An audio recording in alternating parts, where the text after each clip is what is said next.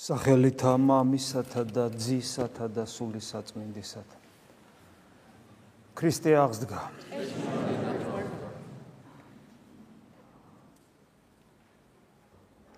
ყველა მერთად შეძლებს საებრ გავიარეთ დიდი მარხვა აღდგომის წინვალე დღესასწაული და მისი შემდგომი ერთი კვირა. აა თითქოს რაღაცნაირად უბრუნდებით ჩვენი მარხვამდელი ცხოვრების შოულ რიტმს განწყობის თვალსაზრისით და ზოგ შემთხვევაში ცხოვრებისეული სტილის თვალსაზრისითაც კი. აი ეს მუხტი აღმაფრენა სულიერი დაძაბულობა ექსპრესია რომელიც ახასიათებდა დიდ მარხვას ვნების შვიდოულს ის ზოგ შემთხვევაში ადამიანებს უქრებათ. მაგრამ ეს ასე არ უნდა იყოს. ვიცით რომ ასე არ უნდა იყოს. იმედია ვიცით რომ ასე არ უნდა იყოს. ის რაზე ჩვენ საუბრობთ ის მდგომარეობა სულიერი რაც მორწმუნე ადამიანს თორე ახლა ნუ გულგრილი ადამიანისათვის სულ ერთია რა პერიოდი და როგორ არის მორწმუნე ადამიანს, რომელსაც აი ეს აი ამ პერიოდში, რომელსაც ჩვენ ვახსენებთ, განსაკუთრებული მდგომარეობა აქვს სულიერი ის აღდგომის მერე კი არ უნდა ჩაუქრეს ის მდგომარეობა, რომელიც ერთგვარი პიკი არის მის წინა ცხოვრებასთან, წინა სულიერ ცხოვრებასთან შედარებით, მან ეს პიკი უნდა გახადოს ნორმად. რა თქმა უნდა, იდეალურ შემთხვევაში ასე არ არის. მაგრამ ჩვენ უნდა ვეცადოთ რომ აი ეს პიკი ნორმად გავხატოთ. ან თუ თლათ იქ ვერ ვიქნებით ოდნავ. ანუ არ უნდა დაუბრუნდეთ არავითარ შემთხვევაში იმ პერიოდს რომელიც ქონდა მარხვის დაწყებამდე. მე ერთ ფიქრობ რომ ერთ-ერთი სულიერი გამოცდილების სულიერი ცხოვრების ცხოვრების სწორად წარმართული, სწორად წარმართული სულიერი ცხოვრების და შესაბამისი გამოცდილების ერთ-ერთი ნიშანი სწორედ ეს უნდა იყოს, რომ ადამიანი ცდილობდეს ინარჩუნებდეს იმ პიქს, რომელსაც იგი ვნებიშვიდოულს და აღდგომის წინვალე დღესასწაულს აღწევს, აა მანამდე კი ვარჯიშობს რა მარხვის პერიოდში. და იტვირთება პასუხისგებლობებით, რომელი პასუხისგებლობითაც იგი დიდი ხანია დატვირთულია მას შემდეგ რაც ქრისტიანი გახდა, მაგრამ იტვირთება ამ პასუხისგებლობის უფრო მეტად გაზრდილი როგორც რაოდენობრივი ისე ხარისხობრივი მაჩვენებლით. ეს ძალიან მნიშვნელოვანია. მაშინ თუ ასე ვაკეთებთ, მაშინ ჩვენთვის აზრი აქვს დიდ მარხვასაც, ვნების შვიდეულსაც და აღდგომის წინვალე დღესასწაულსაც. სხვაგვარად ეს ემსგავსება იმას, რომ ჩვენ რაღაცას ვაშენებთ ერთი ხელით და მეორე ხელით ვანგრევთ და შედეგი ნულოვანია. ჩვენ სულიერ ცხოვრებაში უნდა ჭარბობდეს დადებითი მდგენელი და არა დადებითი და უარყოფითი თანაბრად იყოს, ამეთო მაშინ განულდება ჩვენი სულიერი ცხოვრება. როცა ჩვენ ვალდებულებები ვახსენეთ, ერთ-ერთი ვალდებულება, რომელიც ჩვენ გვაქვს, ეს არის მოციქულებრივი ვალდებულება. ვალდებულება სწავლებისა და ეს აქვს ყოველას, რა თქმა უნდა, სასულიერო პირის განსაკუთრებულად ვალდებულება მოციქულებრივი არო მისიონერული ვალდებულება და ვალდებულება სწავლებისა. თუმცა სასულიერო პირის დამატებით კიდე ერთი ვალდებულება აქვს, რასაც საიდუმლოების აღსრულება ქვია, მაგრამ ყველა ერის ადამიანს, ვინც თავის თავს მიიჩნევს ეკლესიის ერთგულ შვილად, უფლის მართლა მოწაფეთ, მას ეს ვალდებულება ყველაფერი აქვს, ну, საიდუმლოების აღსრულების გარეშე. გახსოვთ, როგორი თავდგარი მაცხოვარი როგორ მოძღრავს მოწაფეებს წარვედით და მოიმოწაფენით და ყოველი წარმართი, ანუ ურწმუნო ადამიანები და მეორე ნათლსემდით მათ სახელითა მამისათა და ძისათა და სულისაწმინდისა და უნდა ითქვას, რომ ჩვენ სასულიერო პირები აი ამ პრინციპს თანმიმდევრობას ვარღვევთ სამწუხაროდ ჩვენ ჯერ არ მოგვიმოწაფებია და ისე შეიძლება მოუნათლოთ ეს თავისთავად უკვე უფლის ამ ცნების და კურთხევის დარღვევაა, მაგრამ ზოგადად ეს ვალდებულება ჩვენ გვაქვს. ეს ვალდებულება იორის შესასრულებელი არ არის. სახარებისეული კონტექსტის თვალსაზრისით თუ შევხედავთ, რა შემთხვევაში შეიძლება ადამიანმა აღასრულოს მოციქულებრივი ანუ მისიონერული ვალდებულება, ვალდებულება სწავლებისა, როდესაც ჩვენ თუნდაც ერის ადამიანები ახლობლებს, მეგობრებს ჩვენი ცხოვრების წესით, ჩვენი შინაგანი მდგომარეობით გადავცემთ ჩვენს წმენას. რა არის მისიონერობა? მისიონერობა არის რაც მივიღე იმის გადაცემა. რაც მივიღე იმის გადაცემა დამახინჯების გარეშე. რა შემთხვევაში შეიძლება მე გადავცე მიღებული სხვას დამახინჯების გარეშე, თუ მე ეს მივიღე მართლა და თუ ჩემს დაცემულ ბუნებაში არ დეფორმირდა, არ დეფორმირდა, არ დამახინჯდა და სახი არ დაკარგა. ანუ იმისათვის რომ ეს ვალდებულება შევასრულო, მე თავად უნდა ვცდილობდე განწყვეტილ მდგომარეობაში ვიმყოფებოდე, იმიტომ რომ თუ ესე არ ვიქენი, ადამიანს ყოლაფრის გაფუჭება შემილია მინა გითხრათ, ყველაფრის. ასე რომ ეს ერთ-ერთი ვალდებულებაა ჩვენი, რომელთაც უნდა დატურთულები ვიყოთ და გაცნობიერებული ვქონდეს, თუ აი დამთავრდა მარხვა, დამთავრდა აღდგომის ყინვალე დღესასწაული და ახლა რა ვქნა? ის რაც მე დავაგროვე, ხებისათვის საცნაური უნდა იყოს. არაფარისევლურად, არა თვალთმაქცურად, რომ აი ნახეთ შემოხედეთ, არა, შინაგანი მყუდროებით, შინაგანი მდუმარებით, შინაგანი სიფაქიზით, შინაგანი სიღრმით, შინაგანი ნათლით გნებავთ, რომელიც უხილავია ჩვენთვის, იმიტომ რომ სამწუხაროდ ჩვენ არ მიგვიღწევია გრიგოლ ხანძთელის მსგავს საფეხურამდე, მაგრამ, მაგრამ ის რასაც რწმენა ქვია, რომელიც რწმენა ჩვენ განგვიცდია, სწორედ ის ნათელია თავის დაბალ საფეხურებში როცა ავლენს საკუთარ თავს. ხო და იმ ნათლით, იმ ფაქიზი ნათლით იმ იმ მიუაჩდილებელი ნათლით, რომელიც ჩვენს გულში უნდა იყოს, იმ სანთლით, რომელიც ჩვენს გულში უნდა ენთოს, ენთოს უნდა მისიონერობდეთ შეუძლებელი ადამიანს ეს სანთელი გულში ენთოს და ეს მის გარე სამყაროზე არ მოქმედებდეს დადებითად, ხოლო თუ ჩვენ ვატყობთ, რომ ჩვენი ცხოვრების წესით, მათ შორის ყველაზე მნიშვნელოვანი ჩვენი რელიგიურობით არ ვამბობ სულიერებით, იმიტომ რომ ეს სულიერება აღარ იქნება. ჩვენი რელიგიურობით, ჩვენს გარშემო ყოფ სამყაროს კი არ ვაშენებთ, არამედ უფრო დესტრუქციულს ხდით, უფრო უფრო უფრო ვამძიმებთ. მაშინ რაღაცა ჩვენში რაღაცა ისე არ ხდება, როგორც უნდა ხდებოდეს. იმის შეათი გამონაკლისის გარდა, როცა ჩვენს გარშემო არიან ადამიანები, რომლებსაც ქრისტე გაცნობიერებულად ზულთ. მაგრამ მე მინდა გითხრათ, ასეთი ადამიანები საქართველოში არც ისე ბევრია. ასე რომ იმიტომ რომ არის ხოლმე ხანდახან ეს საცდური, რომ ადამიანი თulis რომ რაღაც რელიგიურად ცხოვრობს, ის უკვე წმინდაა. შესაბამისად ის გარშემო ადამიანები, რომლებიც მის გარშემო არიან, ისინი უწმენდურები არიან და მისი იქ მყოფობა სხვებს რო აღიზიანებს, ფიქრობენ რომ იმიტომ აღიზიანებს, რომ ისინი ქრისტეს ვერ იტანენ. ძალიან ხშირად, მე მინდა გითხრათ, ჩემი მცირე სამღვდელო პრაქტიკა მაჩვენებს ამას, ძალიან ხშირად ჩვენს გარშემო მყოფი ადამიანები ჩვენს რელიგიურობაზე იმიტომ კი არ ღიზიანდებიან, რომ ისინი ქრისტეს სიძულვილს ატარებენ გულში და ჩვენ კიდე წმინდა გული გვაქვს. არამედ იმიტომ, რომ ჩვენ ჩვეულებრივი ფარისეველი და ფანატიკოსები ვართ, რომლებსაც არ გაგვიცნობიერებია, რომ სულიერი ცხოვრება შეუძლებელია საკუთარი დაცემული ბუნების, სხვისი განუკითხველობის, სიმდაბლის, სიმშვიდის, მორჩილების, ურისხველობის გარეშე და ჩვენ ყველაფერ ამით შეპყრობილები ვართ. საკუთარი თავი რაღაცა გონია, მრისხანელიც ვარ, არც იმდაბლო გვაქვს, არც მორჩილება გვაქვს, არც სიყვარული გვაქვს, ყველა ზემოდან უყურებ და გგონია რომ მისიონერობ. რა თქმა უნდა, ეს ანტიმისიონერობა და ქრისტიანობა საერთოდ არაფერში შეაში არ არის.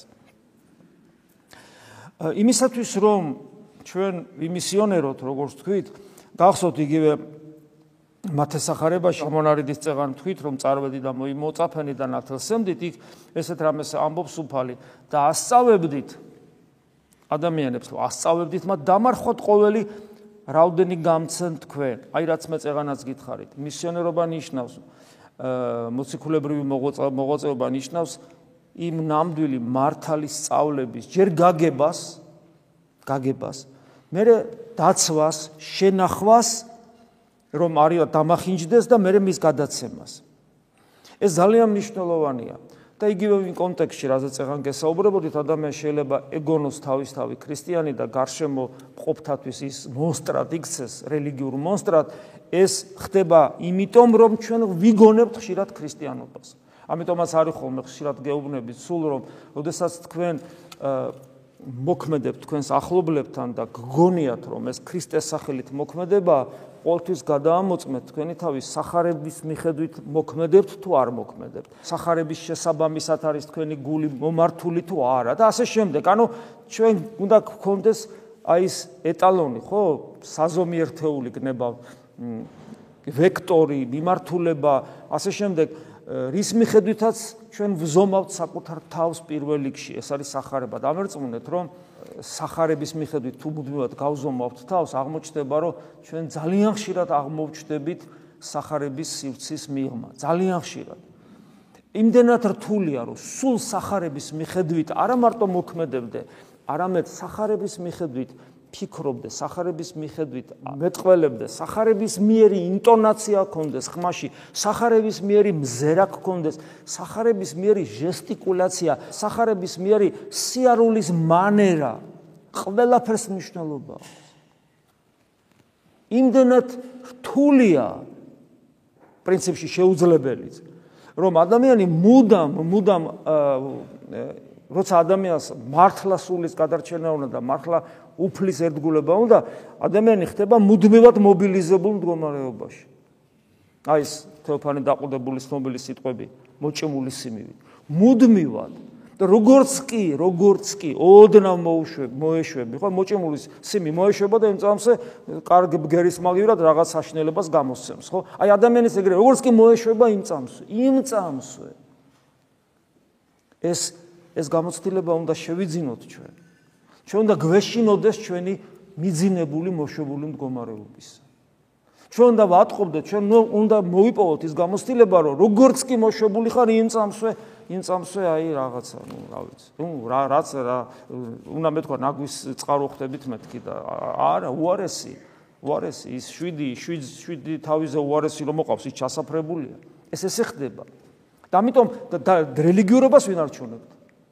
რელიგიურობა ჩვენი მეორე ბუნება ხდება, იმიტომ რომ მივეჩვიეთ რავალი წელი ეკლესიურად ცხოვრობ. შესაბამისად რელიგიურობა, რომელსაც თან არ ახლავს აი ეს მობილიზება და მოჭიმულობა სახარების მიხედვით, ხდება რაღაცა სხვა ტიპის ჩვენს მიერ გამოგონილი ქრისტიანობა. ამიტომ ეს სიტყვები ასწავლებდი დამარხვათ ყოველი რაოდენი გამცენ თქვენ, ეს არ სრულდება ჩვენ შემთხვევაში, ამიტომ ის პირველი მუხლიც არ სრულდება. მე ესეთ რამეს ამბობს უფალი რომ აჰა ესე რა მე თქვენთანა ვარ ანუ დავალებას გვაძლევს. ი კორექტირებას უკეთებს. ეს დავალება როგორ უნდა შესრულდეს რომ რაც მე გითხარით ის უნდა გადაეცეს ხოლოს. და მე აი ამის მე ამის მე ძალიან მნიშვნელოვან საიდუმლოებრივ რამეს გვეუბნება. ერთია როცა რაღაცას დაგავალებენ და მე წავლენ და უნდა აკეთო და მეორე სხვა რამე და ეს სხვა რამე არის ის რაც შესაძლებელს ხდის იმ ორი შეუძლებლის გაკეთებას ის ორი შეუძლებელია. ჩვენ ახლა რაც არ უნდა ესე ვილაპარაკოთ და რაც არ უნდა სულ ახსენოთ საკუთარ თავს ადამიანს ამის უნარი არ აქვს სულ მობილიზ მოჭემული იყოს და сахарების მიხედვით იცხოვროს. სამწუხაროდ, სამწუხაროდ. მაგრამ მაგრამ, მაგრამ აი გვეუბნება მესამეს და აჰა ესე რა მე თქვენთანა ვარ ყოველთა დღეთა ვიდრე აღსასრულამდე სოფლის. ანუ ეს რას ნიშნავს? სულ თქვენთან ვარ უფალი ამბობს. უფალი ამაღლდა, რა თქმა უნდა. მაგრამ ამაღლდა როგორც ადამიანი. ამით ჩვენი ბუნების განხრთობილი, უკვე განხრთობილია მისი ბუნება, მისი განხრთობის ის საფეხური, ის ეტაპი გამოვლინდა, რომლისათვისაც განკაცდა ღმერთი, როდესაც სრულად განდიდდა ადამიანური ბუნება იესო ქრისტეში. ანუ ამაღლება არის ადამიანური ბუნების, თორე ხომ წარმოგიდგენიათ ღმერთის ამაღლება რას ნიშნავს? ანუ ძეღთისას ამაღლება მისი ღვთაებრივი ბუნებით რას ნიშნავს? რას ნიშნავს ეს გაუგებარი სიტყვებია? რას ნიშნავს ამაღლება? ღმერთი ყველგან ყოფია. ანუ ამაღლდა ადამიანური ბუნებით, მაგრამ უფალი დარჩა ჩვენთან. უფალი განსაკუთრებულად დარჩა ჩვენთან, იმიტომ რომ ის განსაკუთრებულად მოვიდა და მოვიდა ისე, რომ ჩვენ აღარასოდეს დაგტოვებს. მოვიდა ისე, რომ ჩვენი ბუნება ზეცაში აღიტაცა და მარჯვენით მამისა დასვა. მოვიდა ისე, რომ ეს გააკეთა იმისათვის, რომ მე მისი ნაწილი ყოფილიყავი, ჩვენ მისი ნაწილი ყოფილიყავით. ამიტომ ჩვენ და ღმერთი განუშორებელნი ვართ ამის მერე. ამიტომ ის მუდამ ჩვენთან არის, მუდამ ჩვენთან არის. ეს ახთვისმეტყოლო თვალსაზრისით ძალიან მრავალი დაწერილი ამის შესახებ და მთელი ქრისტიანობა ფაქტობრივად ეს არის, რომ ღმერთი სულ ჩვენთან არის, რომ ჩვენთან არის ღმერთი რეალურად ნამდვილად, მაგრამ უფალი მოციქულებს ეუნება, რომლებმაც ჯერ ეს არიციან, სანამ სულთმოფენობა არ მოხდება, მანამდე ეს გაცნობიერებული მათ არ აქვს, მაგრამ ჩვენ გვახსენებს, რომ მე თქვენთან ვარ, თქვენთან სულ მუდამ. ამიტომ როცა საუბარია, რომ ჩვენ სახარების მიხედვით უნდა ვიცხოვროთ. ეს რაღაცა თეორიული დატოვილი სახელმძღვანელო, პრაქტიკული სახელმძღვანელო თუნდაც კი არ არის, თქვათ, როგორ ვიცხოვრო რელიგიური ცხოვრები. ეს ცოცხალი ღმერთის რომელიც მუდამ ჩემშია, თან ჩემთან დარჩა, ჩემს გვერდზე კი არ დარჩა, ჩემშია, იმიტომ რომ მე მისი ადამიანის ხეული გახადა თავისი ტაძარი და ესე იგი, ეს არის არა ინსტრუქცია დატოვილი, არამედ სახარება ეს არის უფლის ცოცხალი ღმერთის ცოცხალი სიტყვა, რომელიც ჩემშია. ამიტომ უფალი განსწავლის მე არა 2000 წლის წინ დატოვილი სიტყვის მიერ. აი რატომ ამბობთ რომ ვიკითხოთ მუდამ სახარება? სახარება იმიტომ კი არ უნდა ვიკითხოთ რომ ესე იგი ისეთი თქვა უგუნურები ვართ რომ ბოლო-ბოლო ვერ გავიგეთ რა წერია. რა ამხელა ციგნია სულ თავიდან ბოლომდე 27 პატარა ციგნი. ხო? და არიან მე მინდა გითხრათ არიან ადამიანები რომლებსაც თავეთი პროფესიიდან გამომდინარე ფილოლოგები არიან რაღაც ასეთი რომელმაც წინვალეთიციან სახარება შინარსის თვალსაზრისით ფილოლოგიური კვლევიდან გამომდინარე და ასე შემდეგ მაგრამ ურწმუნოები არიან ანუ სახარება იმიტომ კი არ უნდა სახარებას იმიტომ კი არ უნდა ვკითხულობდეთ რომ 2000 წლის წინ დაწერილ სიტყვას კიდევ ერთხელ ვიმეორებთ არა არამედ სახარების თითოეული სიტყვა არის ცოცხალი ღმერთის ცოცხალი სიტყვა, რომელიც ჩემშია, ჩემშია. ამიტომ უფლისაგან განსწავლა ხდება აწმყოში, არა 2000 წლის წინ და 2000 წლის წინ მოციქულს უთხრა. მე რანერად მეხება ეს? მე მეხება ეს, იმიტომ რომ ის აწყოში ჩდება ჩემში ეგ სიტყვა. აწყოში ჩემში. უფლის განსწავლა ხდება აწყოში. მარადიულად, მარადიულობა ნიშნავს, აი რომ გასაგები რო გახდეს აწყოში როგორ, მარადიულად, იმიტომ რომ აწყოში როგორ 2000 წლის წინ თქვა, 2000 წლის წინ გააჟღერა. მარადიულად, იმიტომ რომ ის მარადიული ღმერთია. იესო ქრისტე ღმერთი, ადამიანური ბუნება აქვს, მაგრამ მარადიული ღმერთია. მარადიული რას ნიშნავს? მარადიული მას კი არ ნიშნავს, რომ არ მთავრდება. ამას მარადისობა არ ნიშნავს დროს, უსასრულო დროს. მარადისობა ნიშნავს დროის არარსებობას. დრო არ არსებობს, საერთოდ არ არის, არც გუშინ, არც დღეს, არც ხვალ, არც ერთი წუთის წინ, არც ერთი წუთი, არც ამ წყოში, არც ერთი წუთის მერე, დრო საერთოდ არ არის, დროის ფენომენი არ არსებობს ვარადესობაში. გასმით, ეს არის ამის ლოგიკურად, რა თქმა უნდა, გაანალიზება რთულია, მაგრამ ამაზე უკეთ ახლა უბრალოდ ამის თქმა შეუძლებელია. ეს არის კიდევ ვიმეორებ, მარადიული სიტყვა, რომელიც მოუკლებლივ არსებობს და რადგან იგი მარადიულია და მოუკლებლივ არსებობს, რეალურ დროში ხდება ჩემთვის. აი სწორედ ეს არის თავარი და ეს იმ შემთხვევაში არის შესაძლებელი, თუ სახარებას უბრალოდ ლოგიკურად კი არ ლოგიკურადაც რა თქმა უნდა და ფიზიკური თვალებითაც რა თქმა უნდა და თუ მესმის ყურებითაც, ანუ მატერიალური საშუალებებით, ლოგიკაც, თვალებიც, ყურის სასმენელიც, ეს მატერიალური საშუალებებია ინფორმაციის მიღების, გადამუშავების და ასე შემდეგ. მაგრამ მარტო ამითი ვერ იგებს ადამიანის სახარებას. იმისათვის რომ ეს ყველაფერი ჩემს შიგნით ხდებოდეს რეალურ დროში, უფლის სიტყვა, ამისათვის საჭიროა შინაგანი ცხოვრება, რაზეც ჩვენ ხშირად საუბრობთ. შინაგანი ცხოვრება. სწორედ შინაგანი ცხოვრების შემთხვევაში შეიძლება ითქვას, რომ ადამიანის გული არის დაცული, განწმენდილი და ღვთის სიტყვის მომსმენი, მიმღები, დამნახავი, მოდი ესე ვთქვა, აი ხშირად ვეუბნებით ხოლმე, რომ ვისაც წმენა არ აქვს, რომ აი ან სუსტი აქვს, ან ეჭვებით არის ქრისტეს ღმერთობი, ღმერთობის წმენას გულისხმობ, ვეუბნებით, აი ჩაუღმავდი სახარებას და თუ შენმა გულმა მიიღო ქრისტე როგორც ღმერთი, მიიღო. თუ შენმა გულმა ქრისტე როგორც ღმერთი არ მიიღო, ვერავინ ვერ დაგიხმარება. ვერც ერთი ღდელი ვერ დაგიხმარება. მე შემიძლია დაგეხმარო იმ შემთხვევაში თუ შენ ქრისტე როგორც ღმერთი გწამს.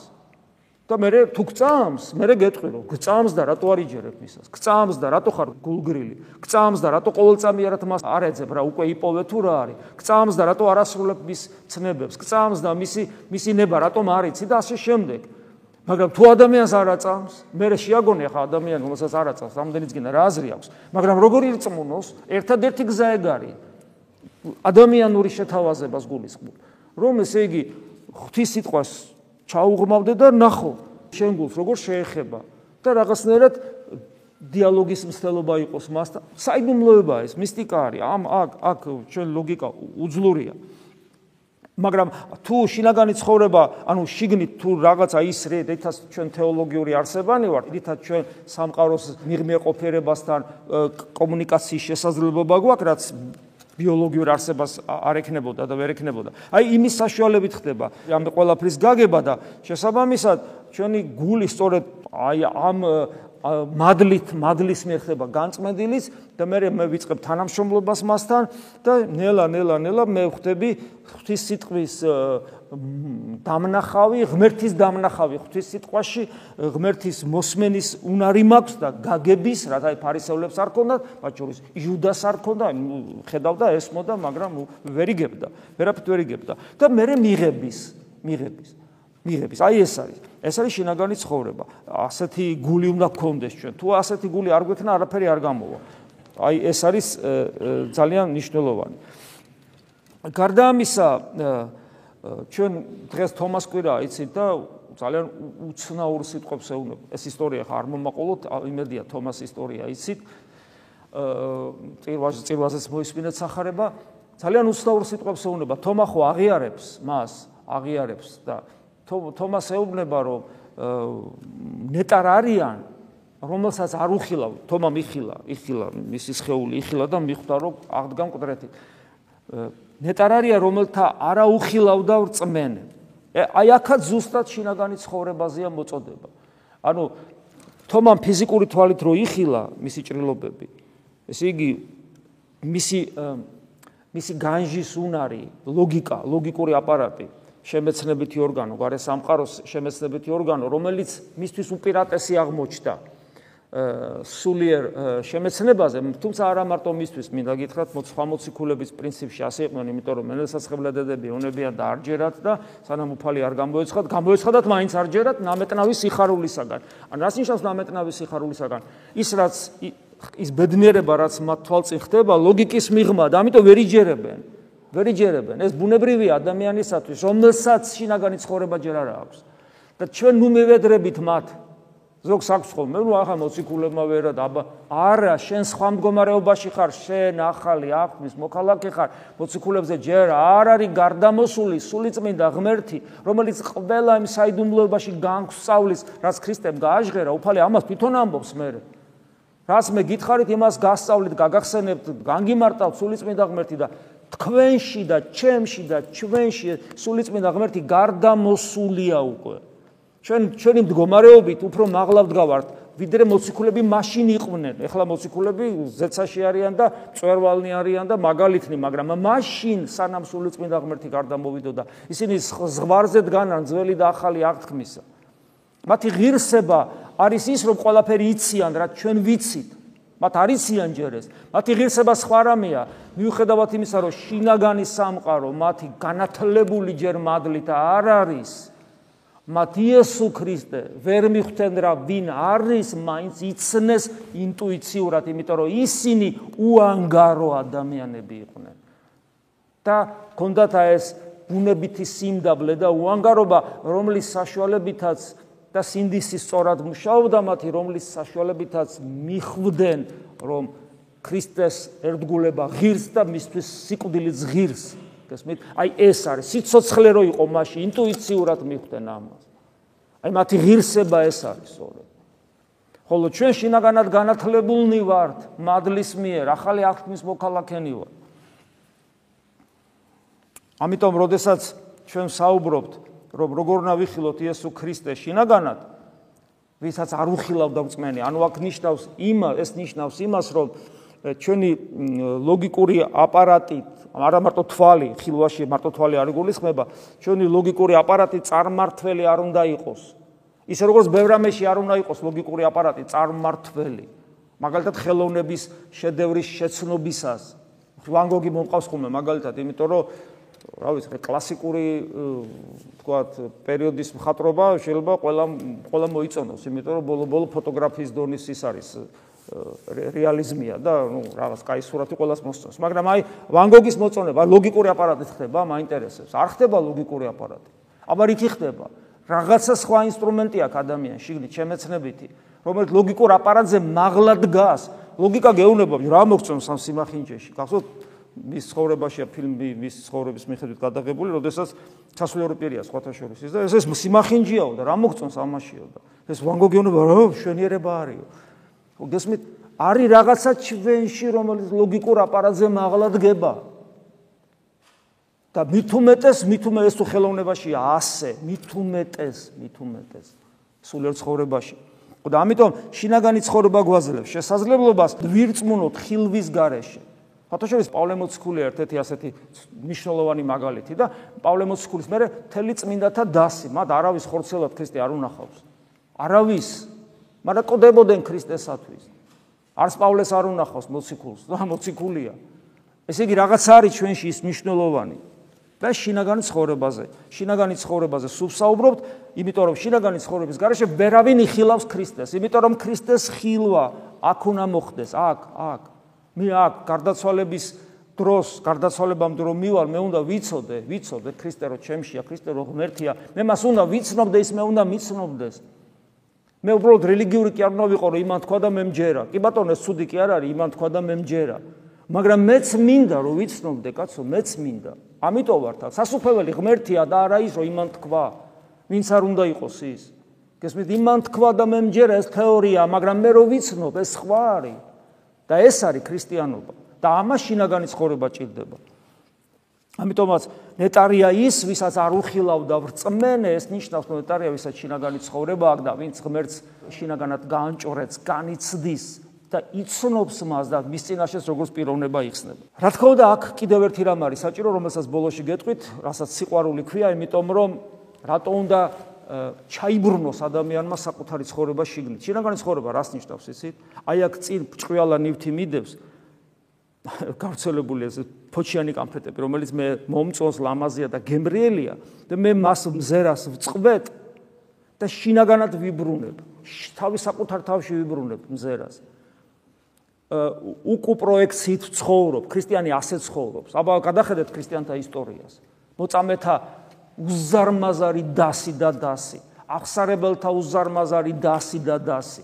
მონაზვნების უზარმაზარი დასი და დასი. რანაირად? და ერის ადამიანების რომლებიც მონაზვნებივითაც ცხოვრობდნენ და მოწამეებრივით მოწამეებრივი ცხოვრებაც ქონდათ რა ხდება? რატომაკე რატომ ხდებოდა ეს? და რომ არა ეს ესენი არიან წმინდანები აბა გინახავთ ვარსაბ თათქარიძე წმინდანი. არ არსებობს ეგეთი. არ არსებობს ეგეთი. ყველა ყველა შეწირულია. რატომ რატომ რატომ იმიტომ რომ ბზერა მოწყვიტეს გარეგან ჭყიალებას და პროექცია წავიდა შიგნით და ეს ეხებოდა არა მარტო გლახაკებს, არამედ დიდარ ადამიანებს, ალაუფლების კონე დავით აღმაშენებელი გავიხსენოთ, თამარი გავიხსენოთ. ადამიანი როგორ ასკეტურად ცხოვრობდა და თავის შრომით რამდენ შრომით, ფიზიკური შრომით რამდენ სიკეთეს აკეთებდა. აღარ ვლაპარაკობ დავითზე, რომელიც ადამიანურად რო შეხედო შეგებრალება, კაცი ცხელიდან არ ჩამოსულა. დაილია, დაიფერფლა სულ ახალგაზრდა ადამიანი. აღმაშენებელს გულისხმობ. ასე რომ რატო ხდება რომ ეს ჩაბრუნება შიგნით რატომ ხდება? რა ხდება ამ დროს? იმიტომ რომ შინაგანი ცხოვრების მშვენიერება, სიდიადე, სილამაზე და სიტყვება განიცადეს ამ ადამიანებმა. და ამ შინაგან ცხოვრებას კიდე სიყვარული ჭირდება, იმიტომ რომ სიყვარულის გარეშე არაფერს ადამიანი რობოტია, თუ რაღაცა მიზან მიმართულას ატკას ისწრაფის ადამიანი, მაგრამ ის ის რისკენაც ისწრაფის არ უყვარს ადამიანი ხდება რობოტია, მაგრამ რა არის მეტი რობოტი? რომ დაქოქავ და წავა იქით. და აი სიყვარულისა და შინაგანი ცხოვრების ერთობის გარეშე ყველაფერი დანარჩენ, რასაც ჩვენ ვაკეთებთ, აბსოლუტურად ტყუილია. აი შინაგან ცხოვრებასთან დაკავშირებით, აი შინაგანი ცხოვრებაზე როცა ვსაუბრობთ, ის შინაგანი ცხოვრება წარმოაჩენს, რომ რას შინაგანი ცხოვრებას მეგულისხმობ პრაქტიკაში რო გადადის. შინაგანი ცხოვრება მაქვს ეს არის? ეს არის გონებისმიერი ლოცვა, კონკრეტული პრაქტიკაა ეს. გონებისმიერი იესოს ლოცვა არის შინაგანი ცხოვრება. ეს არის გასაღები შინაგანი ცხოვრების. მის გარეშე შინაგანი ცხოვრება პრინციპში შეუძლებელია, იმიტომ რომ ეს გამოდის რომ უნდა გამოვიგონო 21 საუკუნეში ჯერ ცეცხლის გამოგონება ვისწავლო მე, ესე იგი კაჟისქვის გაკეთება ვისწავლო მე. ზუსტად იგივეა. მე რო ეხლა იესოს ლოცვა გვერდზე გადავდო და 2000 წლოვანი პრაქტიკაზე უარი ვთქვა, და მქონდეს პრეტენზია შინაგან ცხოვრებაზე, რადგან მივხვდი რომ შინაგანი ცხოვრების გარეშე ქრისტიანობა არ არის, არ არსებობს და დავიწყო მე თვითონ გამოგონება. ჩემი ამ პარტნიორებით რომ ეს გამოცდილება არ მჭირდება და მე ვიცი კაცო აგე რა სახარება ხომ აგ და აგე ვიცი და მიყვები ხარ ამ საქმეს ეს გავს ადამიანს კიდევ იმ რომელსაც ტყეში გაუშვებ და იტყვის რომ მე ცივილიზაცია არ მინდა, მაგრამ მაგ პრეტენზია რომ 21 საუკუნის ადამიანი ვარ და გონიერი და შესაბამისად დაიწყო. ცეცხლის გამოგონება უნდა ცეცხლის მოპოვება უნდა ისწავლოს, კაჟის იარაღების მოპოვება, მე რესპილენცის მოპოვება, მე რკინის ბოლოს რაკეტამდე უნდა მივიდეს ერთმა ადამიანმა. მიაღწევს რამე ეს? ვერ მიაღწევს. გაიყინება და მოკვდება ტყეში. სულ თავი და ბოლო ეს იქნება. არაფერი არ გამოვა, იმიტომ რომ ადამიანი სოციალური არსებაა. ამ სიტყვის არა ცხოველური არამედ დიდი გაგებით, ეკლესიის გაგებით, ქრისტეს მისტიური სხეულის გაგებით, გნებავთ გენეტიკური გაგებით, ერთი ძირგან ამოსულები ვარ და ადამიანი არის სოციალური არსება ამ სიტყვის დიდი გაგები და მას არ შეუძლია დამოუკიდებლად თელი კაცობრიობისა რაღაცას მიაღწიოს, თუნდაც მიწიერს და აღარ ლაპარაკობს ულიერი გაგებით. ამიტომ შინაგანი ცხოვრება ნიშნავს გონების მიერ ლოცვას იმ პრაქტიკი და იმ გამოცდილებით, რასაც ეკლესია გვაძლევს და როგორც კი ადამიანი ამას დაიწყებს, აღმოაჩენს ძალიან მნიშვნელოვან დოგმატურ საკითხებს გაცოცხლებულ საკუთარ თავში. პირველი, აღმოაჩენს, რომ ადამი მართლა მომკვდარა. და მან მკვდარმა გამაჩინა მე მკვდარი. ადამი მართლა მომკვდარა, როგორც კი უფლისწნება და არღვია და მისი სული მოკვდა. სიკვდილი ამ შემთხვევაში გულისხმობს არა სულის როგორც არსის გაქრობას, არამედ სულის სიკვდილი ნიშნავს სულის მიერ ღმერთთან კავშირის დაკარგვას, ღმერთთან კავშირის უნარობას, დაბრმავებას, დაყროვებას, უნარობას, ღმერთთან კავშირი აღარ აქვს. ყდარი სული ამას ნიშნავს, აი სული გინ ყოფილა, გინ არ ყოფი, სულ ერთია. ის რისთვისაც არსებობს სული ის ცხოველ სული არ აქვს და შედურად გზნობს თავს.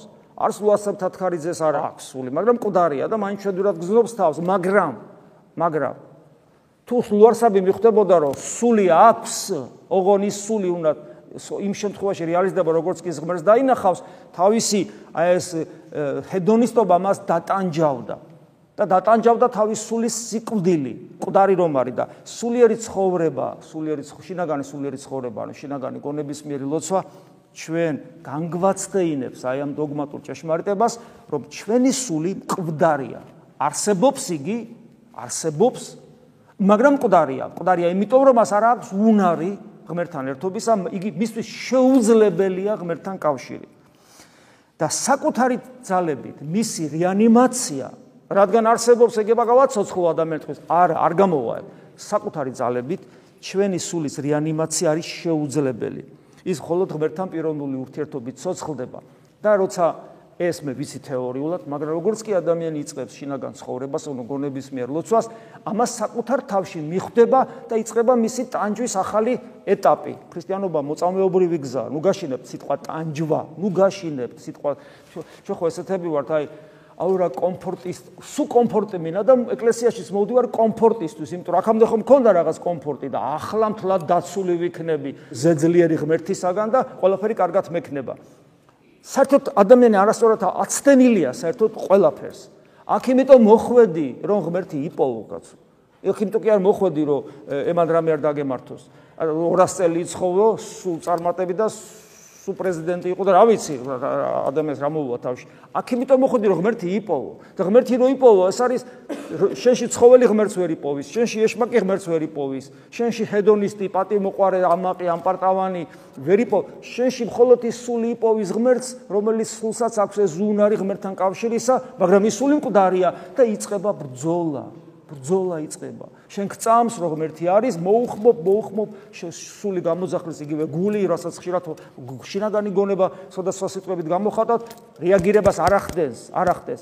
მაგრამ ამავე დროს იცი რომ არის, იმიტომ რომ იგივე სულის, იგივე გულის ან გონების მიერ იცი რომ არის, იმიტომ რომ რამდენჯერმე შემოგაფხიზლა ღმერთმა, შემოგაფხიზლა, რამდენჯერმე შეგეხო განგაცდებინა საკუთარი თავი, რომ შენი რწმენა გააცოცხლო, შენი ნებელობა აქტიური გახადოს, რომ შენი თავისუფლება რეალიზდეს იმით, რომ რა რა უყო ჩემ თავისუფლებას, რა უყო, რა უყო, რა უყო, რა უყო ჩემ თავის, რა მინდა მე ჩემი თავისუფლების რეალიზება, როგორ მოვახდინო და მივხვდი ღმერთო, შენ მინდიხარ, ეს არის ჩემი თავისუფლება და ამას რომ მიმახვედრა, ეხლა მიმიშვა, აჰა, მიდი. და დაიწყე და ადამიანი იწყებს და ადამიანის ტანჯვა იწყება აი ამ გაგებით. გონების მიერი ლოცვას იმიტომ გაურბიან რომ ის ტანჯავს ადამიანს. ტანჯავს იმიტომ რომ ეძებ იმას, რასაც ვერ პოულობ. იცი რომ არის თან შენში და ვერ აღწევ და ეს იწება, აი როგორ გითხრა რა, ყოველ წამიერ საკანჯოლად გექცევა, მაგრამ ამ ტანჯვას დიდი გემრიელი რამ ხდება უკან ეს კბილი რამ ეს ეს ცხრანეტერებაში ეს ესია გადმოცემული. ნეტარიყვენ გლოვარენი რამე თუ ნუგეშინის სემული რომ ნუგეშინის ემა მადლისმერი მდგომარეობა გლოვარება სწორედ ის მდგომარეობა რომ ეძებდა ვერ პოულობდა. განიცდი ამას მგლოვ კი არ ტირი ხარ მგლოვარებ. გლოვარებ როგორც საკუთარი ახლობლის გარდაცვალებას რომელიც წინ გისვენია ეს მგლოვარებ შენ იმ საკუთარი მკვდარი სულის ხედვას. მაგრამ ნუგეშინის ემა არ აყოვნებს და ის მოდის ასე და ეს ერთი მხარე შინაგანი ცხოვრებისა, რომ ჩვენ სულს ყდრად დაგვანახებს და დოგმატი ადამიანის დაცემისა ჩვენში ვეცოცხლდება. მეორე ეს არის ის რომ შინაგანი ცხოვრება რასაც განგვაცდენებს, რომ მიხვდები რომ კარგი ხო, სული არა, მაგრამ ფსიქიკა ხომ აქვს, სამშვენელი ხომ ხომ აქვს. აღმოჩნდება რომ ადამიანს არც ფსიქიკით და არც სამშვენელით არ შეუძლია ღმერთთან ურთიერთობა. იმიტომ რომ ფსიქიკა ხო, მე ხო ცხოველის ფსიქიკაზე თანახმა არა ვარ. სახსაც აქვს ფსიქიკა. მაღალ განვითარებულ ცხოველებს ძალიან მაღალი დონის ფსიქიკა აქვს, ისე რომ ჩვენს სამყაროში ძაღლებს თავისი ფსიქოლოგები ყავთ. ნუ ესეა, ექიმები და მათ შორის ფსიქოლოგები. ძალიან საინტერესოა. ხო, მაგრამ მე ხო ეს ამ ფსიქიკაზე თანახმავარ ჩვენ, რომ ძაღლის ფსიქიკა გქონდეს, არა, ჩვენ ადამიანური გვინა. ადამიანური ფსიქიკა სწორად მაშინ მუშაობს, როდესაც ადამიანის სამშვიდელი ანუ ფსიქიკა გძნობს მასში ყველაზე დიდებულს, ანუ სულს. და სულს როგორ იგზნობს ფსიქიკა რო ყდარია ჩემი სული? იმიტომ არის ხოლმე რომ ათეისტებს სული არა ის რაღაც ადამიანს არაფერი სული არ აკიტყვია ო ესეა. ნუ ადამიანი რომელსაც სიყვარული არ განუცდია სიყვარული არა ის ვის ვინ უყვარს დღეს თუ ძმა ხარ ასამბო. რწმენა არა კაცო ყველა აფერისტია ვის რა რწმენა აქვს და ასე შემდეგ. ადამიანში რა სინდისი კაცო იცხოვრე როგორც გეცხოვრება სინდისი ისე ზნეობა. რა სიმდაბლე სიმდაბლე სიმდაბლეთ იმან იყვეხნოს ესეთი გამოთქვა ვისაც ხო არაფერი არ აქვს. ხო გაგიგიათ ანუ ცინიკური დამოკიდებულება ყველაფერი ღირებულებისადმი მათ შორის სულის უკვდავებისადმი უკვდავის სულისადმი იმიტომ რომ ფსიქიკა ვერ გზნობს სულს. და რასაკეთებს მაშინ ფსიქიკა? ფსიქიკა მსახურია. ვისემ მსახურება ხორცემ მსახურება ხორცს ამიდრეკელებები ექ ხო ძალიან კარგად ვიცი და ამიტომაც არის რომ ეს ჩემი ნება უკეთური რატომ არის? იმიტომ რომ ხორცს ემსახურება რასაც ხედავს სული მკვდარია ვერ ხედავს ხორცი ცოცხალია და რასაც სული ხორცის ჭკუაზე დადის შეიძლება ასე ვთქვა. მაგრამ ასე დროს როცა ადამიანი შინაგან გონიერ ლოცვას იწყებს და შინაგან ცხოვრებას მან უნდა ისწავლოს საკუთარ ნებელობაზე უარის თქმა. ეს ადვილი არ არის. კიდევ ვიმეორებ იმიტომ რომ სხვა სიცოცხლე გარდა ხორცისა არა მაგდა ახლა რო არსაბ თათქარეძეს უთხარი, აბა რომ ეცე რა შე რომ მოგინდება ხა ბოზბაშთა ჩიხითმა მოდი ჭამა სხვა რამე და ცოტა ცოკი არ იშიმშილო, ცოტათი უარი თქვირა. გაგიждდება, რას ლაბარაკობ მეტყვის? რას ლაბარაკობ? როგორ შეიძლება ამის გაკეთება? არავითარ შემთხვევაში ვეჟო შენ სულერ ხო არა ხარ მეტყვის. 21 საუკუნის ადამიანს ჭუას მასწავლე. ამიტომ ესე იგი ჩვენ აუცილებლად უნდა ვისწავლოთ საკუთარ ნებელობაზე უარის თქმა, თორე მაშინ უარი თქვათ ქრისტიანობაზე, იმიტომ რომ ჩვენ გვაქვს ეს კადნიერება ღმერთს მამას უწოდებთ და მე ვეუბნებით, ჩემმა ნებამ დამღალა, შენი ნებით მაცხოვრე, ღმერთო და მე მე ეს აღარ მახსოვს და ჩემი ნებით ცხოვრობ სულ. და როგორც კი ადამიანი გონების მიერ ლოცვას იწყებს, აღმოაჩენს, რომ მისი ფსიქიკა მას ხელს უშლის. სულ ხო ვერ გზნობდა და ეს ტანჯავდა. ფსიქიკა კიდე ფსიქიკა რა არის? ადამიანის ფსიქოლოგია, სამშვენელი აი მოკლედ ესე ვთქვა, ჩვენი ინტერესების სფერო სად არის? ჩვენი ინტერესების სფერო არის იქ, სადაც ხორცი ფუნქციონირებს, იმიტომ რომ ხორცს გძნობ. შესაბამისად, ჩემი ინტერესების სფერო არის ის, რაც მე ჩემ ხორცს სიამოვნებს და ჩემს პატივმოყარეობას, რომელიც ფსიქიკის ერთ-ერთი გამოვლენაა, ამებს იმით რომ თქვათ იქ კარიერა, იქ პატივისცემა, იქ ტაშის დაკვრა, აპლოდისმენტები ასე შემდეგ. და ასევე ესთეთიური გზნობები მაქვს, იმიტომ რომ ცხოველი ხო არა ვარ მე, ესთეთიური გზნობები მაქვს და ჩემი ესე იგი ჩემი ფსიქიკა ხარობს ესთეტიური გზნობების დაკმაყოფილება, ლამაზი ბუნება, ლამაზი მუსიკა, ლამაზი პეიზაჟი რამ და ყველაფერი, ყველა ანუ მშვენ ამ სამყაროს მშვენიერება თუ უკეთურება, სიკეთე თუ ბოროტება, გარკვეულად ცოდვა არა რაღაცა ესეთი საქმე, მაგრამ თან მეორე ხარ ეს ცოდვა, აი ამ ყველაფერით ბედნიერობს ჩემი სული და უცებ მე ვეუბნები. ამ ყველაფერს ჩაეხსენი ცუცას და კარგსაც ჩავდი გულში და ეძებე შენი გადამრჩენელი და ჩვენ ფსიქიკას ეს არ უნდა, ამიტომ არის ხოლმე ჩვენ როგორც კი ლოცვას ვიწყებთ, სულს ვერ აგზნობთ ერთი პრობლემა, მეორე მეორე პრობლემა. უამრავი გეგმები, უამრავი თემები და უამრავი საკითხები ლოცვის დროს მოდის ჩვენ თავში და ზოგი არის აშკარად ცოდვა და პირდაპირ დემონური და განვაგდებთ და ზოგი რაღაც კარგი რაღაცები, საჭირო, სავალდებულო, თქვათ, ხო? იმიტომ რომ მე პროფესია მაქვს, სამსახური მაქვს რაღაცა და მთელი ლოცვის დროს მოდის ყველაფერი ეს გეგმები. და ვამბობთ, ვაიმე რა ვქნა კაცო? რა რა ვერ ლოცულობ, იმიტომ რომ ვერ ჩაეხსნა ჩემი ფსიქიკა ამას. და ამიტომ მე ადამიანებს განმარტოების მაგერად ურჩევნიათ ქუჩაში ისე ირნონ და ისე ილოცონ. რატომ? უნდა ილოცონ, როგორ არა, მაგრამ აი სიბნელეში ჯდომა და ლოცვა არ უნდათ. იმიტომ რომ ის ეძნელება და ეს ეადვილება, რატო ეადვილება? იმიტომ რომ დავდივარ, ხო? კი ვლოცილობ, ვილოცო, ყველაფერს ვაკეთებ, მაგრამ თან ტკბები უყურებ ადამიანებს, სილამაზეს, ბუნებას, ჩიტების ჭიკჭიკს. ანუ თან ვიკმაყ, ჩემი ფსიქიკა იკვებება იმ შვენიერებებით, რაც გარშემოა. ხოლო რამე თუ მას ღმერთთან ყოფნის უნარი არ აქვს. მას მაინც გარეთა უნდა და ცოტა ღმერთი, ცოტა გარეთა. მაგრამ აი სულ რომ აი ეს გონების მიერი ლოცვა და შინაგანი ცხოვრების სწავლის პროცესი, სიხასტური პრაქტიკა, რასაც ქვია სიბნელეში დაждდომა, ყუდროებაში, ყუდროებაში ფიზიკურათაც, სულიერათაც, ფსიქოლოგიურათაც, იქ უკვე ძნელია, იმიტომ რომ მე გარეთ მინდა, გარეთ მინდა, შიგნით რა ვაკეთო, არ ვიცი. გესმით? აი აქ არის ზუსტად ჩემი ნების უკეთურება, აქ ვლინდება, რომელიც სიკეთეშიც კი პრობლემას მიქმნის. ამიტომაც წმინდა მამათა გამონათქვამები ადრეს მithქვავს თქვენთვის, ისინი ერთ-ერთი დიდ წმინდას აქ ნათქვამი, ისინი ნანობდნენ არა მარტო თავიანთ ცოდვებს, არამედ თავიანთ სიკეთეებსაც, სიკეთეების გამოიტირეს.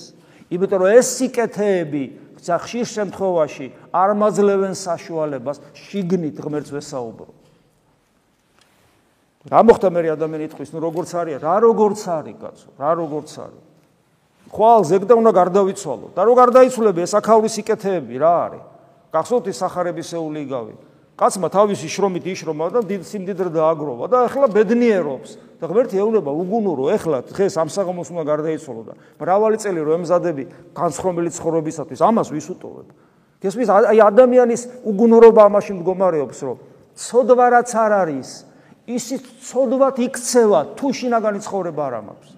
ხოლო თუ შინაგანი ცხოვრება მაქვს, მაშინ იმ სიკეთეს, რომელიც მეძლება გარედან, იმასაც სიკეთეში მოვიხმარ და მადლს მადლს მივამატებ, მაგრამ თუ შინაგანი ცხოვრება არ მაქვს, გარეთა სიკეთე, რაც ცოდვა არ არის თავის თავად, ისიც კი ბოროტებად მექცევა, იმიტომ რომ ის წარიტაცებს ჩემს ცხოვრებას და არ მაძლევს საშუალებას შიგნით ჩავბრუნდე.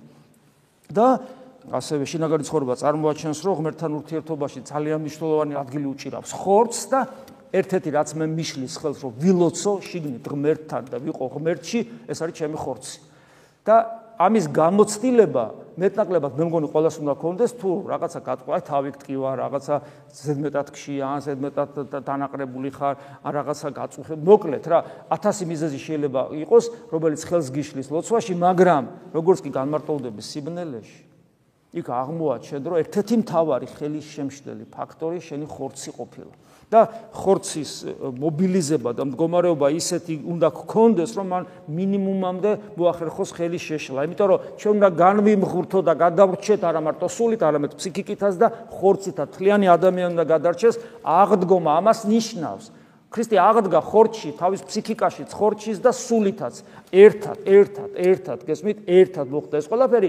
ქლიანი ადამიანის გადასარჩენად მოხდა. ამიტომ ხორცი ძალიან ხელსგვიშლის ის ჯერ ერთი რომ რაც გითხარით რომ თავისთავად ხელი შემშლელია იმიტომ რომ ის ტყავის სამოსელია, ტყავის სამოსელია, რომელიც ამ ქვეყნიური არსებობისათვის მოგცა ღმერთმა, რადგან ღმერთთან ვერ გავჩერდით და მეორე მიდრეკილია პირუტყული ვნებებისაკენ, რომელიც ასევე მე ხელს მიშლის სულიერ ცხოვრებაში და გარდა ამისა ეს უძლურება ის რომ აი ერთი არის პირუტყული ვნებები და მეორე არის უძლურება, აი უძლურება ეს რატომ იშლის ხელს? იმიტომ რომ ლოცვა სიцоცხლია და უძლურება არის სიკვდილის ნიშანი ჩემში. თითოეული ჩვენგანის ხორცი ატარებს სიკვდილს. თავის თავში და უძლურება, ჩვენი უძლურებები, დაბერება, ავანტყოფობები და ამ შემდეგ ამის ნიშანია და ეს ვლინდება ლოცვის დროს ასევე. ასე რომ როცა ადამიანი დგას და ლოცულობს იმ შინაგანი ცხოვრების წესით, ლოცულობს მით უმეტეს განმარტოებული ან განმარტოებული როცა არ არის და თქვა დადის მოძრაობს და ეს არის თავგანწირული ქმედება მოწამეობრივი ღვაწლი თითოეული ადამიანისათვის რომელიც წესით, წესით, როგორც პავლე მოციქული გონება, მოუკლებლი უნდა მიმდინარეობდეს, არასოდეს არ უნდა ჩერდებოდეს და ადამიანის ცხოვრების თავარ საზრისად, თავარ ხერხემლად იქცეს. ეს არის ჩვენი ცხოვრების თავარი ნიშნული, ქრისტიანობა ამას ნიშნავს. ცეცხლივით უნდა იყოს, ადამიანი ხდება ცეცხლივით ამ დროს. ცეცხლივით ჩვეულები, ეს არის მაგლისმიერი მდგომარეობა. ეს არის რთული და მაგრამ არაშეუძლებელი. რთული იმიტომ არის, რომ რთულია და ამაზე ვისაუბრეთ, რომ ჩვენში ყველაფერი ამაზე წინააღმდეგება შეუძლებელი არ არის. იმიტომ რომ უფალი გვპირდება, მე თქვენთანა ვარ, ვიდრე აღსასრულამდე სოფლისა. თუ ჩემთან არის ღმერთი, რატომ უნდა იყოს რთული, როცა შინაგანი ცხოვრება და ლოცვითი მდგომარეობა ნიშნავს სწორედ იმას, რომ მე ჩემში არსებულ ღმერთთან რაღაც კომუნიკაცია მაქვს. და აი ეს ძალისხმევა თავგანწირული ძალისხმევა რომ ღმერთი ჩემთან არის და მე მას მივაკვლიო და შესაბამისად ყველაფერი კეთდება იმიტომ კი არა რომ რაღაცა ისა ვარ აღმოსავლური პრაქტიკის იოგი ვარ და რაღაცა ზე ფსიქიკური მდგომარეობა მაქვს. ამისთვის კი არ კეთდება ეს. ეს კეთდება მხოლოდ ერთი მიზნი ქრისტე მინდა. ანუ მივდივართ იქამდე რაც თავშიც ვახსენეთ უფლისადმი უანგარო სიყვარული. ეს ძალისხმევა რასაც ჩვენ ვსაუბრობთ და სულ სულს ვერ გავაცოცხლებ გამორიცხული. ღმერთმა უნდა გააცოცხლოს. მაგრამ ფსიქიკაზე და ხორძეზე მოქმედების უნარი რომ მაქვს და რო გვაქვს ეს ჩვენ ვიცით. სხვა საქმეებშიც ვიცით. რაღაცის კეთება რო გინდა და რაღაცის მიღწევა, თუნდაც კარიერულ წესვლაში საკუთარ ძალზე ძალისხმევა გჭირდება. ანუ იმისათვის რომ ღმერთი ვიპოვოთ, მე უნდა ვიმოქმედო სულზეც, ფსიქიკაზეც და სხეულზეც. ჩემი ნება, ჩემი თავისუფალი არჩევანი, რომ ღმერთო მინდა ეს გატარდეს, მაგრამ მაგრამ სულს ვერაფერს ვერ უშვები ეს ხოლოდ ღმერთმა უნდა ქნას მაგრამ აი ფსიქიკაზე და სხეულზე ზემოქმედება შემილია და თელი ასკეზა ქრისტიანული ასკეზა აი ეს მარხვა იქნება თუ ყველაფერი მიმართულია სწორედ იმისკენ რომ მე ზემოქმედება მოვახდინო ფსიქიკაზე და სხეულზე.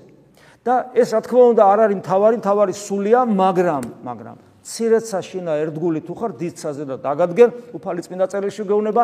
აი ეს ცირეცაშინა ერთგულება არის ასკეტური ღვაწლი რომელიც ყველა ქრისტიანს უნდა კონდეს უბრალოდ მონაზონი იმით განსხვავდება ეს კაცსაგან რომ მას რაოდენობრივი მაჩვენებელი ასკეზისა მეტი აქვს მაგრამ არსობრივად მონაზონი არაფერთ არ განსხვავდება ერის ადამიანისაგან. ასკეზის რაოდენობრივი მაჩვენებლით განსხვავდება მხოლოდ აი ამ ცირეცაშინა ერთგულების სანაცვლოდ უფალი დიდსაზე და დაგვადგენს, რაც ნიშნავს იმას, რომ სულს გაგვიცოცხლებს და ცოცხალი ღმერთის განცდას მოგვანიჭებს ჩვენში. და აი ეს ყველაფერი რითია მოტივირებული? ეს ყველაფერი მოტივირებულია მხოლოდ ერთი რამით. რომ ჩვენ ღმერთი უნდა გვიყვარდეს და სიყვარული ნიშნავს უანგარობას, აი გახსოვთ როცა შეიცნობს თომა უფალს რასეუნება უფალი ჩემი და ღმერთი ჩემი. ამ სიტყვებს ვამბობთ ჩვენ ნათლობის წინ როცა ვინათლებით აღთქმა იდება ერთ-ერთი აღთქმა ესეთია წამს ქრისტე მღვდელი ეკითხება მოსანაც და მოსანათლეუნება წამს იგი ვითარცა მეუფე და მეუფე უფალი ამ შემთხვევაში ერთ იგივეს ნიშნავს. ამ შემთხვევაში იმ გაგებით რომ იგი არის სასუფეველის მეფე. და მე მისი მოქალაქე ხვდები ჩვენ ხო ეკლესიაში შემოვდივართ როგორც ზეცის სასუფეველში და ჩვენ მოქალაქიანი ხვდებით ზეცისა და ვის ვემორჩილებით? ვემორჩილებით მეფეს. მეფე ვინ არის? უფალი ვინ არის? მეუფე ვინ არის? არის ადამიანად მოსული ღმერთი იესო ქრისტე. აბა მეტოს იგი არის ღმერთი ჩემი. ანუ სიცოცხლის მომნიჭებელიც არის მე მას ვემორჩილები და ეს მხოლოდ და მხოლოდ უანგარობით უანგარობით უნდა ხდებოდეს და უანგარო სიყვარულის გარეშე. ეხლა ჩვენ ხო ამდენ ხან ვილაპარაკეთ დაგღალეთ. მაგრამ იცოდეთ რომ თუ უანგარო სიყვარული არ იქნება ჩვენი ნიშნული ეს ყველაფერი ამ ყველაფერზე ლაპარაკი მოსმენა ამ ყველაფრის რეალიზების მცდელობა არის წყლის ნახვა არაფერს არ მე არა მაქვს უანგარო სიყვარული მაგრამ მე თუ არ ვიცი რომ უანგარო სიყვარული არის ნიშნული ნიშნული რისკენაც მე უნდა მივისწრაფოდე აი ეს ყველაფერი არის წყლის ნახვა არაფრის მომცენ აი მაგალითი მაგალითად უანგარო სიყვარულისა ლოცვის მაგალითი ერთ-ერთი უანგარო სიყვარულის ლოცვითი მაგალითი არის მამაო ჩვენ, როცა ადამიანი არაფერს არ თხოვს ღმერთს, გარდა იმისა, რომ მას მამაშვილობა სულს ღმერთთან. ერთ-ერთი უანგარობის უანგარო ლოცვის მაგალითი არის ღვთისმშობელო ქალწულო. გიხარუდენ, იმადლებულო მარია. უფალისენთან, კურთხეულ რამეს თხოვო? რატომ არის ეს ლოცვა ერთ-ერთი ყველაზე ძვირფასი და პოპულარული შეიძლება ასე ითქვას და მის წარმართველი ღვთისმშობლის ლოცვებში. არაფერს არ თხოვდა, იმიტომ ჩვენ უნდა ვისწავლოთ ღმერთთან ისეთი ურთიერთობა, რომ მას არაფერს არ ვთხოვდეთ, არაფერს არ თხოვდეთ. უფალი გეუბნება, სასუფეველი ეძებე, შენ რა გჭირდება განამ ღმერთმა არიცის? ჩვენ უნდა ვისწავლოთ ამგვარი ურთიერთობა ადამიანებთან. ჩვენ ხო არ შეგვიძლია ადამიანებთან უანგარო ურთიერთობა. ჩვენ ხო სულ ესე უყურებთ, ოჯახის წევრებსაც კი ესე უყურებთ, შვილებსაც კი ესე. რა ჩემში ჩემში რაღაცის რეალიზება ვერ მოვახდინე, ეგება შვილმა შვილში მოხდეს ამის რეალიზება. რა მე ვიამაყო ამით. რაც წარმატებულია ჩემი შვილი მით უფრო მინდა ვიამაყო, აი ჩემი ჩემი შვილია, ჩემი სულ მუდამ ანგარებაა ჩვენში. სულ ჩვენ არ შეგვიძლია უანგარო სიყვარული. მაგრამ ვისაც ოდნავ ერთხელ მაინც ცხოვრებაში გამოუცდია ვიღაცის ან რაღაცის რაღაცის კიდე ჭანდაბას რაღაც უკაცრავად ამ სიტყვაზე რაღაცა იყოს ვიღაცის უანგარო სიყვარული. როცა აი უბრალოდ ეს იქნება სამშობლო ეს იქნება რაღაც ხელოვნება მეცნიერება რავი რაღაცა ისეთი რა სურო ბოლომდე წირავ თავს საკუთარ თავი ვარ გახსოვს ამ დროსაც კი ადამიანი ყველაზე დიდ ბედნიერებას განიცდის. ხოლო თუ მე ადამიანს მეორე ადამიანი უყვარს, თუ შეყვარებული ყოფილხართ, ოდესმე თუ ვინმე ყვარებიათ უანგაროდ მართლა გზათ რო ხართ სრული თავგანწირვისათვის დაუფიქრებლად ყველაზე ბედნიერი მაშინ ყოფილხართ. გესმით, აი ასეა და რა თქმა უნდა ღმერთის მიმართაც ასეა. ადამიანი ბედნი, აი ადამიანი იმით განსხვავდება რა რა ვიცი ხა ეგ არის ხო ადამიანის თავარი ღირებულება ხო სიყვარულია გაცნობიერებული სიყვარული თორე ფუტკარსაც უყვარს თავის ყვავილი ხა ინსტინქტებია ადამიანი ყველაზე ბედნიერი მაშინ არის როდესაც მას საკუთარი თავი დავიწყებული აქვს და რაღაცაც კი მაშინაც კი მაგრამ მით უმეტეს თუ ვიღაცა სრული თავგანწირვით სრული საკუთარი თავის სრული უარყოფით უყვარს. ყველაზე ბედნიერებას ადამიანს მაშინ ადამიანი მაშინ განიცდის. ხოლო თუ ეს ვიღაცა არის ცოცხალი ღმერთი, რომელმაც ამ ხელა სიყვარული გვაჩვენა, მაშინ ადამიანის სრულ ნეტარებაშია უკვე აქვე ამ სოფელში. ეს არის სასუფეველი, ეს არის სასუფევლის წინაგემოსხილვა, ეს არის ჩვენი ნიშნული. ეხლა ამას აქცენტირებას რატო ვაკეთებთ? იმიტომ რომ ჩვენ როცა აქ ვდგავარ და აღდგომის დღესასწაულში ვიმყოფები და ვბედნიერობთ, ამის garaშე ეს ყველაფერი ხო ჩვენს გვერდზე ჩავლილი დიდებულება იქნება. ხოლო თუ ჩვენს ყველაფერი გვინდა ჩვენში პროექცირდეს და ჩვენ შინაგანი ცხოვრება გქონდეს, რითაც ამ ყველაფერს მიწვდებით, გვახსოვდეს რომ უანგარო სიყვარული არის მთავარი ნიშნული. და ამიტომ მოყვას ისევ მოყვასთან ჩამოვდივარ. ღმერთს ვერ ვხედავთ, ისევ მოყვასთან ჩამოვდივარ და ისევ მოყვას შევხედავ. დავინახოთ სულ მუდამ ანგარებიანი ვარ ყველასთან აბსოლუტურად. ყველასთან ეკლესიის მიმართ ზოგადად ადამიანის მოყვასის ბრევლის წევრის ოჯახის წევრის სულ და როცა ჩვენ ვამბობთ რა სიმდაბლე თუ სიმდაბლე თუ ამაში ესეც შედის როგორ შეიძლება ადამიანი უანგაროდ გიყვარდეს და ზემოდან უყურო. როგორ შეიძლება ადამიანი უანგაროდ გიყვარდეს და მრისხანებით შეხედო. როგორ შეიძლება ადამიანი უანგაროდ გიყვარდეს და მისი მას თავისუფლება წართვა გესმის? შენ ჭკუაზე მოიყვანო, როგორც შენ გინდა ისე იცეკოს, ისე იმღეროს, ისე იფიქროს. ეს შეუძლებელია, შეუძლებელია ეს. თუ ადამიანი უანგაროდ გიყვარს. უპირობოდ, უანგაროდ. ასე რომ, აი ეს ყველაფერი არის ის, რითაც ჩვენ შევძლებთ, რომ გავიაზროთ. არა მარტო დღევანდელი დღე თომას კვირა რას ნიშნავს? უფალი ჩემი და ღმერთი ჩემი და ნეტა არიანისთვისაც არ უხილავ და ვწმენე არა მარტო ეს გავიაზროთ. არა მარტო ის გავიაზროთ რომ კლათით აღდგარი მაცხოვარი განმიცადოთ ჩვენში. არამედ საერთოდ სიტყვა ქრისტიანი რას ნიშნავს? სიტყვა ადამიანი რას ნიშნავს? ეკლესიაში მყოფობა რას ნიშნავს? რომ დავიბადე ამ სამყაროში და ამ სამყაროს ხედავ და აღვიქავ და სიცოცხლე მიყვარს ეს რას ნიშნავს? რა პერსპექტივა მელოდება? ეს ყველაფერი მხოლოდ უანგარო უპირობო და უანგარო სიყვარულის კონტექსში არის განსახედველი. ამის გარეშე აბსოლუტურად გაუგებარია ყველაფერი, სიმართლე გითხრათ, ყველაფერი მოემსახურება ჩვენს ეგოიზმს და ჩვენს ისევ ქვენაგზნობებს და პატივმოყვარეობას. დაგვიფაროს უფალმა ამისაგან. ამინ. მადლი უფლისა ჩვენისა იესო ქრისტეს და სიყვარული ღვთისა და მამისა და ზიარება სულისა წმინდისა იყოს თქვენ ყოველთა თანა.